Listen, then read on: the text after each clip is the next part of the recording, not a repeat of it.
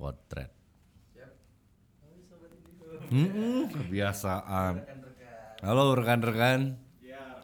Rekan-rekan ya.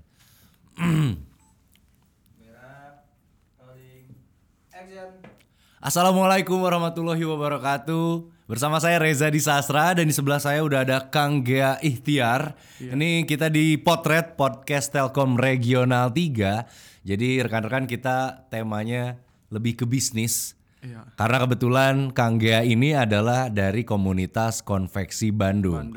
Kang Gea apa kabar nih? Oke, thank you Kang Reza. Salam kenal. Selamat datang di Potret ya. Selamat datang di Potret juga. Gimana nih sekarang lagi sibuk apa sih sebenarnya Kang Gea? Iya, eh, akhir-akhir ini eh, aku lagi handle proyek aja sih, proyek IT gitu di salah satu company eh, BUMN juga. Ah, eh, jadi kalau aku ingin eh, kenal dulu nih sama Kang Gea biar rekan-rekan juga tahu gitu ya current occupationnya. Jadi kesibukan Kang Gea ini apa aja nih selain tadi eh, apa ngurusi IT di salah satu eh, kantor BUMN. Iya. Apa, apa apa aja nih kesibukannya? Iya, eh, Kang Reza. Sebenarnya eh, aku itu or- or- salah satu yang nggak nggak pernah tenang gitu ya orangnya. Anxious gitu? Eh, mau nyoba segala hal gitu. gitu. Oh, penasarannya tinggi gitu uh-uh. ya. Jadi selain eh, tadi bergelut di dunia IT, aku juga eh, aktif di beberapa organisasi, kemudian eh, di dunia produksi seperti clothing gitu ya. Uh-uh. Jadi memang seputar itu aja memang. eh, Backgroundku memang eh, berangkat dari IT gitu.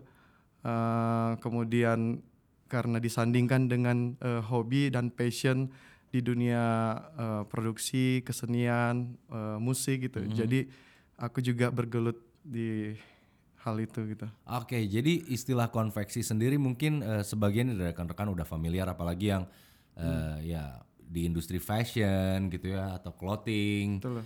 Eh, tapi kalau penjelasan dari Kang Gea sendiri, konveksi ini apa sih Kang? Iya.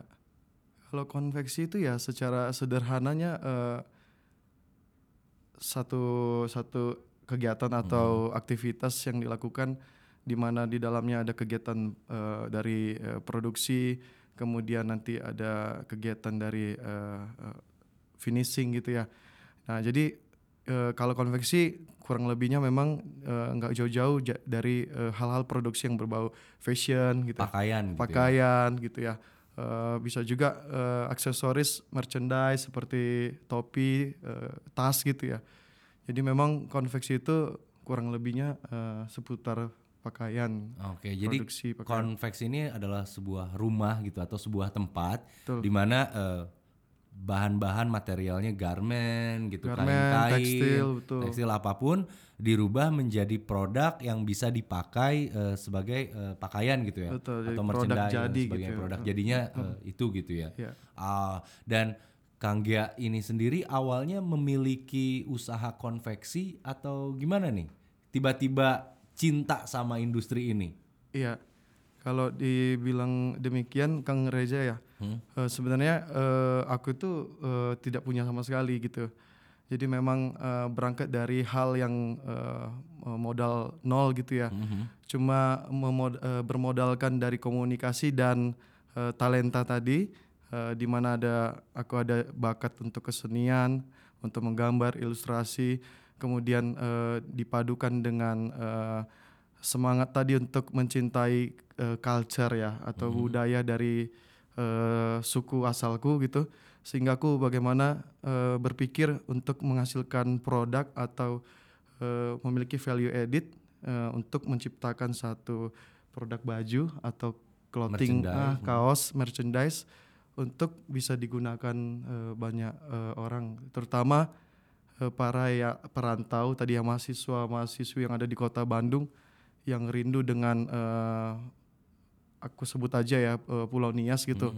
Jadi mereka bisa eh, terpenuhi gitu, tercukupkan dengan menggunakan merchandise tadi itu. Oke, I see. Jadi sebenarnya berangkatnya dari rindu kampung halaman Betul. di Nias, terus juga ingin mengobati hal itu dengan memproduksi merchandise merchandise eh, yang bertemakan atau berkaitan dengan bertemakan budaya budaya Nias, Nias. betul. Dari di situlah dari ide untuk membuat merchandise itu ketemulah sama konveksi. Berkembanglah dari situ. Oh, awalnya jadi sebenarnya awalnya adalah klien salah satu konveksi gitu ya awalnya. Eh, sebenarnya eh, ya ini juga inisiator atau eh, bisa dikatakan eh, belum memilih belum ada yang punya ide tersebut. Aku berinovasi di situ gitu. Jadi eh, salah satu memang yang Kang Reza bilang menjadi klien yang di mana aku me- me- melakukan order untuk diproduksi.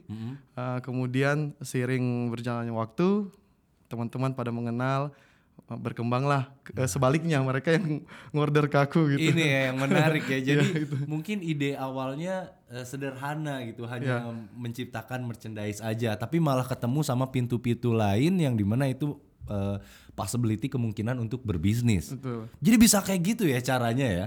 Maksudnya nggak perlu yang modal kan kalau kita Ya. bicara bisnis langsung orang asosiasinya dengan wah modal besar, Betul. wah relasi, wah harus ketemu marketnya gimana kayak gitu gitu. Betul. Padahal mulai kecil dari sekedar ingin memiliki sesuatu, menciptakan sesuatu gitu ya atas eh, apa keinginan pribadi, malah ketemu pintu-pintu lainnya seperti sekarang mengenal konveksi-konveksi. Iya. Eh, Pemilik-pemilik konveksi di Bandung mungkin dikumpulkan jadi komunitas konveksi Bandung atau gimana tuh sejarahnya tentang komunitas konveksi Bandung ini?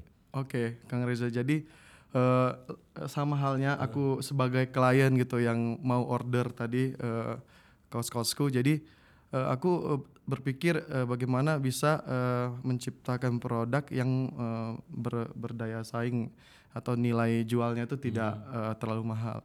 Sehingga aku berpikir bagaimana bisa eh, mendatang eh, me- men- mendatangi beberapa eh, para produsen tadi, konveksi-konveksi tadi untuk coba mensurvei harga-harganya gitu. Nah dari situ aku jalin relasi komunikasi gitu. Terus sedikit kepo gitu, bagaimana pola-pola mereka memproduksinya, bagaimana cara kerjanya. Nah, jadi sehingga eh, ketemulah harga tadi. Eh, aku berpartner, berpartner memang nggak secara company awalnya gitu. Jadi situsi lah, klien ya, to I klien, see. customer to Awalnya customer. mungkin bisa nggak aku bilang gini. Awalnya mungkin eh, Kang Gea ini memanfaatkan brokerage as a brokerage. Oh, tanda Bro- kutipnya. ya, tanda kutip Iya, brokerage fee. iya. Jadi creativity Iya. bro, sebagai broker gitu. Iya kan? Eh, Jadi eh, awalnya nggak punya rumah produksi, nggak punya gitu ya. aku nggak punya sama sekali. Cuman karena sudah pernah memproduksi, udah tahu seluk beluknya, udah tahu kenalannya betul. nih konveksi di Bandung mana aja ada order masuk, Kang Gea masuk masukin ke konveksi yang ada gitu. Iya. Oh nice. Jadi aku nice. malah membantu memarketingkan mereka gitu. Iya, akhirnya malah jadi eh, apa ya? Jadi ketemu market-market baru dari Kang Gea si konveksi-konveksi ini ya. Wah, hebat. Ya, hebat. tujuan mulianya nanti eh, ketemu di situ Kang bahwa eh, komunitas ini dibentuk adalah eh, untuk saling ini ya, saling mengisi, saling eh, menguntungkan. Jadi kalau dulu aku berpikirnya hanya jualan untuk kaosku aja, tapi aku mencoba dari komunitas ini menciptakan eh, lapangan kerja. Oke, ini nih sebelum ke ini nih, kayaknya punya visi yang luar biasa ya dari komunitas konveksi Bandung ini.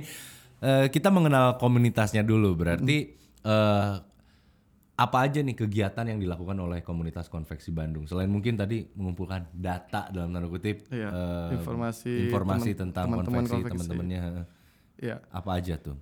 Eh, jadi memang eh, beragam ya variasi dari eh, kalau sederhananya itu masalah eh, order mengorder, kemudian menawarkan eh, jasa eh, produksi gitu ya.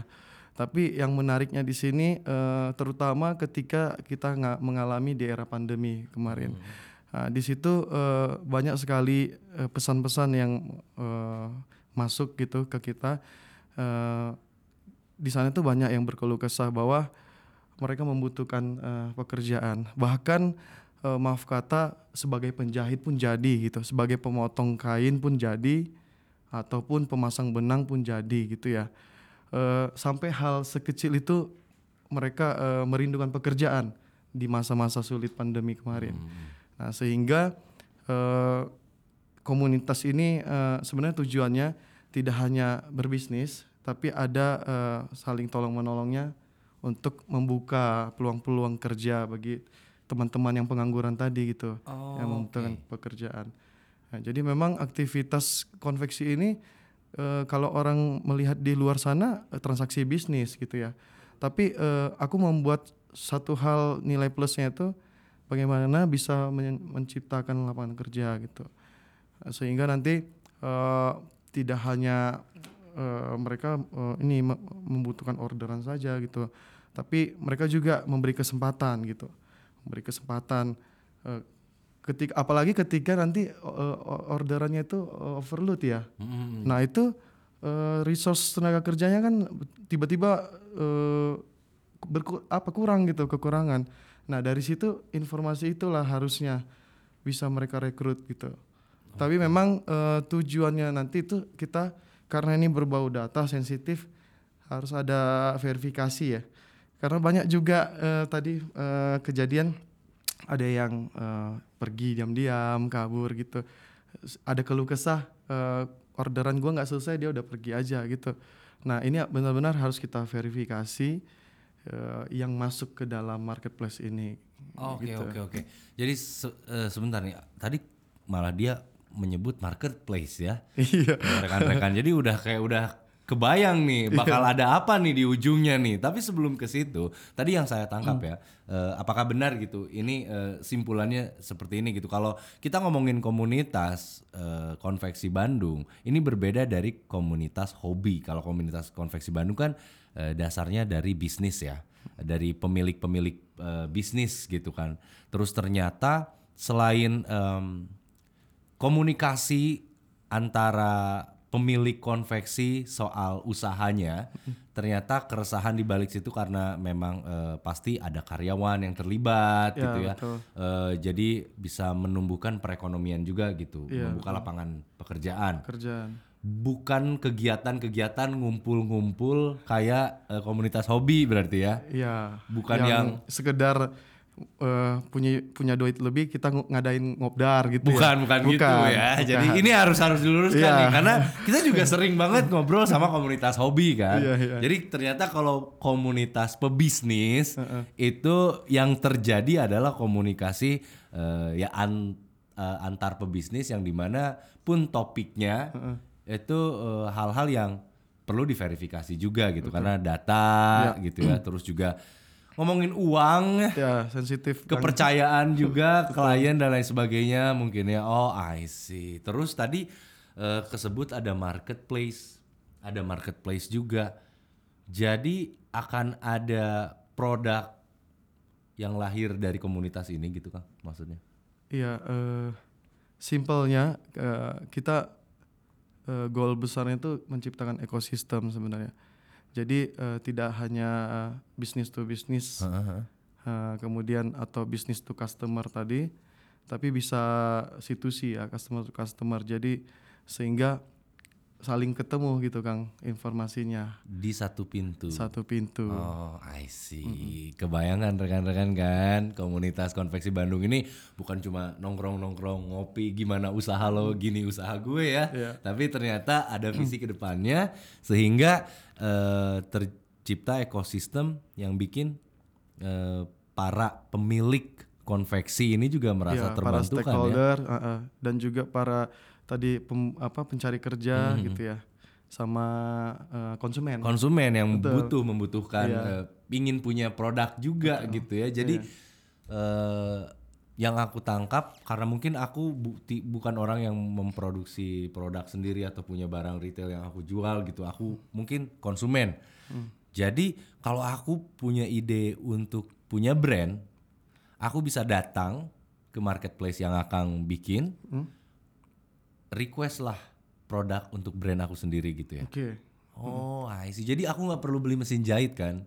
Nggak perlu beli mesin jahit, nge-hire penjahit eh, dan lain sebagainya. Iya, eh, Jadi nggak perlu modal harus besar dulu gitu sedangkan kita bisa uh, kolaborasi kan kerjasama jadi tinggal ide br- untuk brandnya aku sendiri Iya. apa di, udah ada yang uh, membantu mensupport masalah ini produksinya Oh, oke. Kalau punya brand nggak perlu punya mesin jahit lah intinya. Jadinya kayak gitu ya. Jadi buat ka- buat saya anak muda yang suka eh, kepikiran ide bisnis aja gitu. Iya. Jadi kepikiran kayak gitu dan Kalau keresahan-keresahan yang ditampung di komunitas konveksi Ba- Bandung gitu. Kalau tadi kita ngebahas soal pandemi kemarin, Betul. eh, demand turun ya kan mau nggak Ya mau pasti jadi kan berdampak. ada perampingan juga Iya. gitu ya terjadi banyak yang hilang pekerjaan.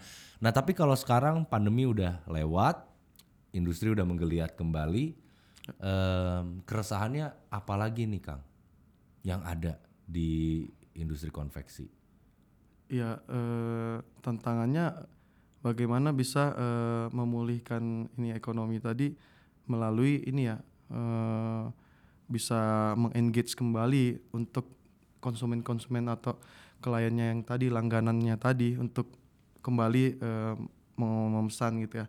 Tapi kan eh, tantangannya di- yang utama di sini eh, ketika eh, kebanyakan memang eh, yang meng- mem- melakukan pemesanan itu kan eh, selain instansi misalnya yang kuantitinya banyak, organisasi, komunitas gitu kan. Ya kalau mereka juga tidak melakukan ke- kegiatan, event gitu ya, pasti kan tidak melakukan eh, Order, order, ada gitu. order nah, masuk. jadi memang eh, udah simbiosis mutualisme gitu. Ah, Oke oke. Dan bahkan nih kalau ini asal denger aja, aku riset-riset eh, riset-riset ngasal gitu. Sering denger bahkan sering bahkan ada beberapa yang viral juga brand-brand besar yang mendunia itu diproduksi di Bandung. Iya, Ada brand betul. olahraga ya kan Iya. bahkan eh, ya bolanya gitu Iya. sepatunya diproduksi-produksi di Bandung gitu ya. Berarti pakai eh, jasa-jasa iya. konveksi Bandung. Kenapa, kenapa Kang komunitas konveksi Bandung? Karena memang eh, label atau brand eh, made in Bandung itu atau kota Bandung itu memang teman-teman di luar sana, di luar khususnya di luar kota Bandung atau Jawa Barat mengenal kualitas atau hasilnya itu bagus gitu. Oh itu. Jadi nilai jualnya itu eh, sudah punya lah gitu ya. Mhm. Makanya kenapa aku eh, kepikiran eh, kenapa kita nggak eh, apa mensounding nama Bandungnya gitu, menggunakan nama Bandungnya. Karena memang kita eh, karena aku juga eh, sempat bertumbuh di kota Bandung dan menghasilkan produknya bagus, ya udah aku mengakui bahwa Bandung eh, masih is the best gitu. Iya karena terbukti juga kalau kita ngelihat sekarang ke marketplace yang sudah ada. Brand-brand Bandung bersaing sekali kan gitu. Bahkan sebelum digitalisasi, sebelum zaman Betul, masih marketplace lah, konvensional. konvensional. Orang datang ke Bandung, Jalan Cihampelas, Jalan eh, Sultan Tirtayasa Iya, gitu kan, jalan eh, ya Dago gitu. Dago. tumbuh clothing-clothing Bandung yang memang orang-orang luar Bandung tuh sengaja ingin beli produk-produk fashion dari Bandung kan. Iya betul. Luar biasa ya. Betul. Berarti Jauh-jauh datang ke Bandung pengen punya merchandise atau souvenir Bandung. iya. Terus kita juga orang Bandungnya juga bangga gitu pakai produk eh, lokal Bandung betul. yang memang fashionable terus juga ya seneng aja gitu ya Iya, jadinya betul. jadi orang Bandung tuh bangga gitu ya. Betul. Apakah ke depannya hal ini mulai keganggu nih, Kang? eh, karena mungkin kota-kota lain gitu ya atau di luar Bandung pun konveksi mungkin sudah mulai bermunculan. Eh, kalau eh, kita ditanya begitu, pasti existing sudah ada Kang. Di beberapa kota sudah ada. Bahkan kayak komun- komunitas konveksi itu pun tidak hanya kota Bandung, ada komunitas konveksi di Jogja, eh, hampir di beberapa daerah ada yang buat gitu. Jadi memang eh, tapi eh, nama Bandung itu tidak bisa dibohongi gitu. Sejarah ya. Ah betul. sekali ya. Dan eh, terutama eh, pabriknya tekstil garment tuh overall di Bandung gitu. Jadi para pem- pemangku bisnisnya mendapatkan bahan tuh ya dengan eh, harga bersaing juga Iya, dekat iya, dengan iya. pabriknya Dekat dengan gitu. pabriknya Iya, di Bandung, dengan, dengan sumbernya di sini, ya betul kan? Brand-brand banyak lahir di sini. Bahkan aku pun sempat gitu ngelihat teman-teman yang punya usaha eh, clothing ya, marketnya besarnya di kota lain gitu, tapi padahal produksinya di Bandung. iya behind the scene-nya Behind the scene-nya tuh di Bandung gitu kan. Nah ini cerita yang menarik mungkin ada nggak nih pengalaman lagi kan dari rekan-rekan konveksi mungkin ngehandle pesanan atau konsumen yang beragam yang ternyata dipasarkannya di luar Bandung atau bahkan di luar Indonesia padahal itu konveksi Bandung tuh yang bikinnya ada nggak? Iya, Eh, eh, salah satu juga kenapa eh, dibentuk komunitas konveksi Bandung ini untuk menjawab tantangan quantity orderan yang waktu itu eh, pernah aku dapat pengalaman di order puluhan ribu gitu ya Puluhan ri- apa nih produk? puluhan ribu piece ba- Kaos, kaos, baju, gitu. Eh, kalau kita hanya satu sumber tempat produksinya, pastinya eh, ini ya, kewalahan gitu. Nah makanya kenapa informasi tadi itu sangat penting supaya kita bisa eh, memberikan eh, order, membagilah, eh, mensplit order order orderan tadi itu, gitu. Oke. Jadi kalau kita bilang di luar sana memang eh, secara pribadi aku tidak terlalu mengintervensi karena memang fokusnya eh, untuk di Bandung gitu. Walaupun eh, konsumennya banyak, Banyak dari, dari luar, luar. Bandung, iya. Oh, Oke, jadi salah satu pengalaman yang pernah dihandle itu konsumen dengan orderan yang jumlah fantastis. Fantastis. Dari pengalaman itu karena nggak ke handle sama satu konveksi, butuh nih dibagi-bagi gitu ya, bagi kuenya dibagi-bagi, Kuenya dibagi-bagi, Makanya dibut- kerjasama. butuh nih dikomunitaskan biar Iya. kayak gitu ya. Oh. Nah saat itu kan belum bisa kami jawab karena belum terbentuk gitu. Hmm. Ya sehingga eh, lepas aja gitu. Ya kami eh, Sayang sekali Eh sangat sayang memang. Sayang banget. Cuma ya eh, itu sebelum pandemi ya Kang itu ada sampai orderan seperti itu gila-gilaan. Wow. Hmm. Dan eh, sekarang mungkin sedikit demi sedikit sudah terjawab ya Iya. sebagai solusi karena ada komunitas konveksi Bandung. Jadi kalau ada orderan yang masif seperti itu bisa dibagi-bagi semua bisa kebagian. Iya. Oh gitu ya. Gitu loh. Ya kita kan punya beberapa ini ya eh apa itu namanya eh akun ya. Selain di sosial media itu ya kita juga ada grup di WhatsApp. Kita intens di situ komunikasi, berbagi. Kalau sosial media mu- mungkin hand- handlingnya eh cakupannya luas ya. Tapi di WhatsApp ini yang benar-benar yang betul-betul pengen join gitu, yang member-member yang intens berkomunikasi. Oke. Nah, di ini ini digital adaptation ya. Eh, adanya grup WhatsApp. Jadi komunitas itu punya saluran komunikasi yang terjalan dengan baik gitu ya. Thanks to technology bisa dibilang Ya, seperti betul. itu ya. Terus teknologi membantu. Heeh, nah ini rekan-rekan komunitas konveksi apa go udah go digitalnya udah lebih nih dari sekedar ngobrol di grup WhatsApp ada ada ada apa lagi nggak mungkin proses proses-proses yang memang mengadaptasi teknologi Betul. Terutama karena ini ada transaksional eh, kebutuhan payment ya. Ya terkadang kalau ada orderan masif tadi kan eh, kadang kan nggak mungkin transaksinya secara eh, konvensional bawa duit segepok gitu ya. Pastinya udah cash eranya cashless, Nah, transfer cashless gitu ya. salah satu ya. Nah kita itu memang eh, dari komunitas sendiri eh, belum memiliki solusi itu. Makanya sebenarnya kita butuh eh, untuk bisa kita tawarkan. Dan juga kan transaksinya tercatat gitu ya, tercatat, eh, akuntabel, akurat gitu. Jadi semua bisa diperiksa dengan benar gitu. Kalau ada sistem, ah sistem ya. Jadi ternyata eh, adaptasi teknologi yang dibutuhkan oleh pelaku usaha itu salah satunya tadi. Cashlessnya transaksi terus pembukuan gitu ya, pembukuan data segala macam, ya. Karena karena memang masih pure konvensional kan. Heeh. Eh, jadi punya ad- ada aku pernah eh, survei atau inter wawancara lah eh, beberapa konveksi mereka sampai bilang mungkin saking konvensionalnya eh, mengatakan kami aja secara konvensional atau manual masih bisa berbisnis gitu Hmm. Eh, sampai situ pola pikirnya tapi eh, aku coba masuk gitu kalau bapak be- saat ini dengan konvensional manual hanya bisa jual 5 mungkin dengan digitalisasi tadi aplikasi sistem bapak bisa jual li, li, 100 per 5 kali lipatnya atau 10 kali lipatnya gitu dengan percepatan informasi tadi Iya, karena eh, lebih kita prosesnya pun lebih efisien Betul. gitu ya, lebih efektif. Iya. Oh, lebih ke handle ya Betul, orderan lebih betul. banyak. Nah, mungkin rekan-rekan juga nih ya. Mesti kita announce ya. Kan sekarang ada Indibis Pay. Oh ya betul Ya, jadi buat rekan-rekan yang punya usaha gitu kan bisa menggunakan ini sebagai solusi pembayaran digital yang menggunakan kris, bisa top up juga dan tagihan. Betul. sampai pencatatan transaksi penjualan, semua gratis dapat diakses lewat satu aplikasi yaitu IndiBizPay. IndiBizPay. Ini kita perkenalkan juga nih buat rekan-rekan yang punya bisnis seperti cerita dari Akang tadi. Betul. Kalau masih manual hanya bisa ngehandle 5 orderan let's say dalam satu kurun waktu gitu Iya. ya. Tapi kalau udah didigitalisasi apalagi pakai IndiBizPay mungkin sanggup berkali-kali lipat kali 10 kali 100 orderan Cuannya bisa- lebih banyak. bisa dikerjain ya. Dan ada juga nih eh, Netmong.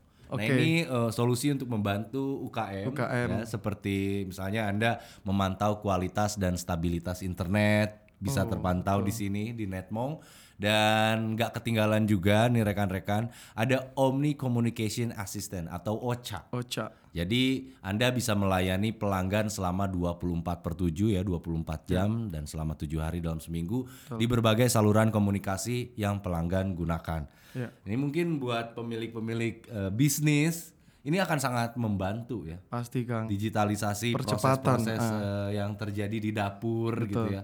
Yang awalnya konvensional eh, membutuhkan resource yang lebih gitu ya. Mhm. Cost yang lebih tapi ini bisa efisiensi tapi keuntungannya bisa eh, lebih gitu.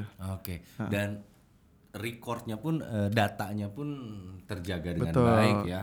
Am- Mungkin kalau manual kan nggak diragukan lagi lah kan iya gitu. kalau manual kan wah ribet apa gitu apalagi masih pakai kertas, gitu. kertas catat-catat tulis gini gimana kalau maaf gitu eh, ya amit-amitnya ada banjir ada kebakaran kan hilang semua Iya. datanya Betul Kang. Jauh-jauh lah ya Kang. ya. Jauh lah ya berarti kalau ini eh, kebutuhan yang ada masalah-masalah yang ada ya bisa dijawab oleh adaptasi digital ya kenapa enggak kita go gitu ya Iya. Eh, ambil kesempatan ini biar usaha Bertransformasi. Nah, usaha kita lebih efektif, efisien juga pastinya. Terus Kang, eh, kalau saran dari Kang Gea sendiri nih buat mungkin pelaku bisnis gitu, teman-teman yang lagi merintis atau yang lebih spesifik pemilik usaha konveksi, apa nih Kang saran-sarannya untuk menghadapi tantangan di kurun waktu ini? Oke, Kang Reza. Jadi eh, karena memang aku eh, IT entusias gitu ya, berkecimpung juga di dunia IT, perkembangan eh, teknologi gitu ya. Jadi memang eh, adaptasi eh, terhadap teknologi atau digitalisasi itu eh, mau nggak mau gitu, mau nggak mau kita eh, kita harus paksakan diri kita untuk beradaptasi atau berubah ke arah itu karena memang tantangannya itu eh, sudah di era digital ini eh, sangat eh, masif atau mungkin speednya larinya lebih kencang gitu banget. jadi eh, beberapa beberapa usaha itu bisa ketinggalan dengan usaha-usaha yang baru dirintis dengan menggunakan teknologi Betul betul betul. Betul. Nah, jadi memang harus eh, beradaptasi, kemudian peka gitu ya terhadap perkembangan teknologi saat ini. Saya sendiri sebagai pelanggan gitu ya, kadang jarang bawa uang cash. Ini hal kecil aja untuk adaptasi teknologi gitu ya. Dengan adanya kris kan, eh, di saat aku datang ke satu tempat jajan, Tuh, warung kecil lah warung dibilang, ah, ah. kecil, eh, bisa bayar pakai kris gak? Oh nggak ada ya gitu. Wah, pada, pada coffee shop gitu ya. Ya belum ada- belum nih tempat nongkrong anak muda coffee shop belum bisa digital payment. Wah. Tahun berapa sekarang? Iya kan gitu. Saya kemarin eh, sempet ada kegiatan lah di em, yang ha- dari pagi ke sore gitu terus ingin jajan mie ayam. Ada tukang mie ayam ya. Oke. Ada tukang mie ayam. Pas saya nggak ada cash bisa scan. Mie ayam gerobak Pinggir jalan lagi. pinggir jalan udah memanfaatkan eh, digital payment, Ah, ah, digital payment. Itu sangat membantu. Thank you Pak. Berapa? Dia cuma pembayaran mie ayam seporsi berapa 20 25 Iya, tapi betul. sangat membantu kan. Betul. Terjadi transaksi gitu. Kalau bapaknya mungkin nggak pakai kris, saya nggak jadi jajan mie ayam. Iya, betul. Wah, bener ya. Aku juga ngalamin sama itu Kang Reza. Gimana tuh? Eh, pas di Jakarta makan nasi bebek. Kalau Kang Reza mie ayam nih, aku nasi bebek. Aduh, kurang nih cashku kan. Ternyata si penjualnya langsung kasih di atas meja. Ini scan aja. Ah, sih.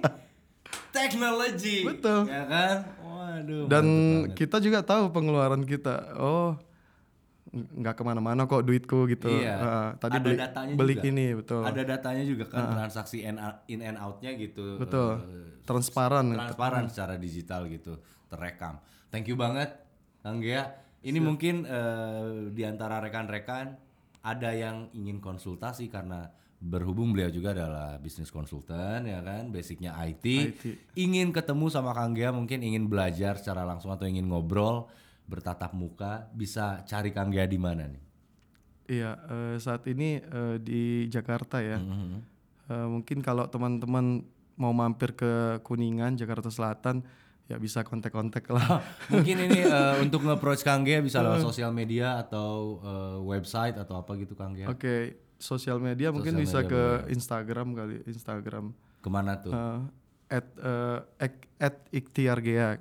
Itu. Ya, Boleh nggak nih eh, teman-teman ya rekan-rekan ingin ya jadi boleh, boleh. Kita feel free diskusi santai, sharing-sharing.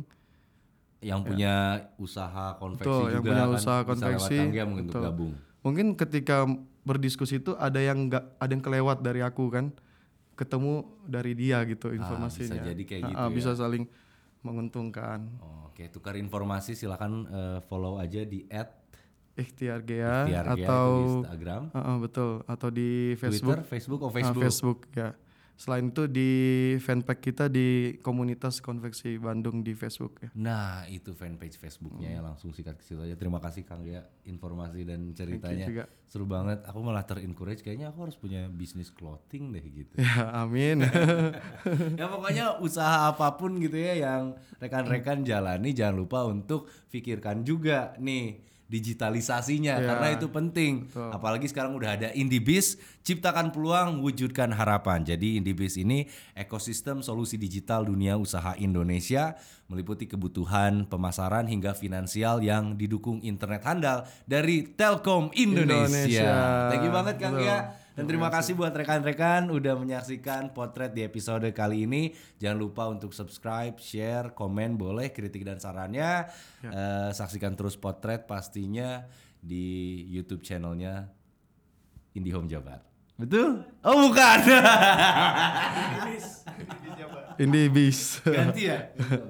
Baik. Dari situnya udah aman kan ya tadi dari Oke, thanks banget nih sekali lagi buat eh, Kang Gea udah mampir ke sini. Buat rekan-rekan juga terima kasih banyak udah nonton episode kali ini.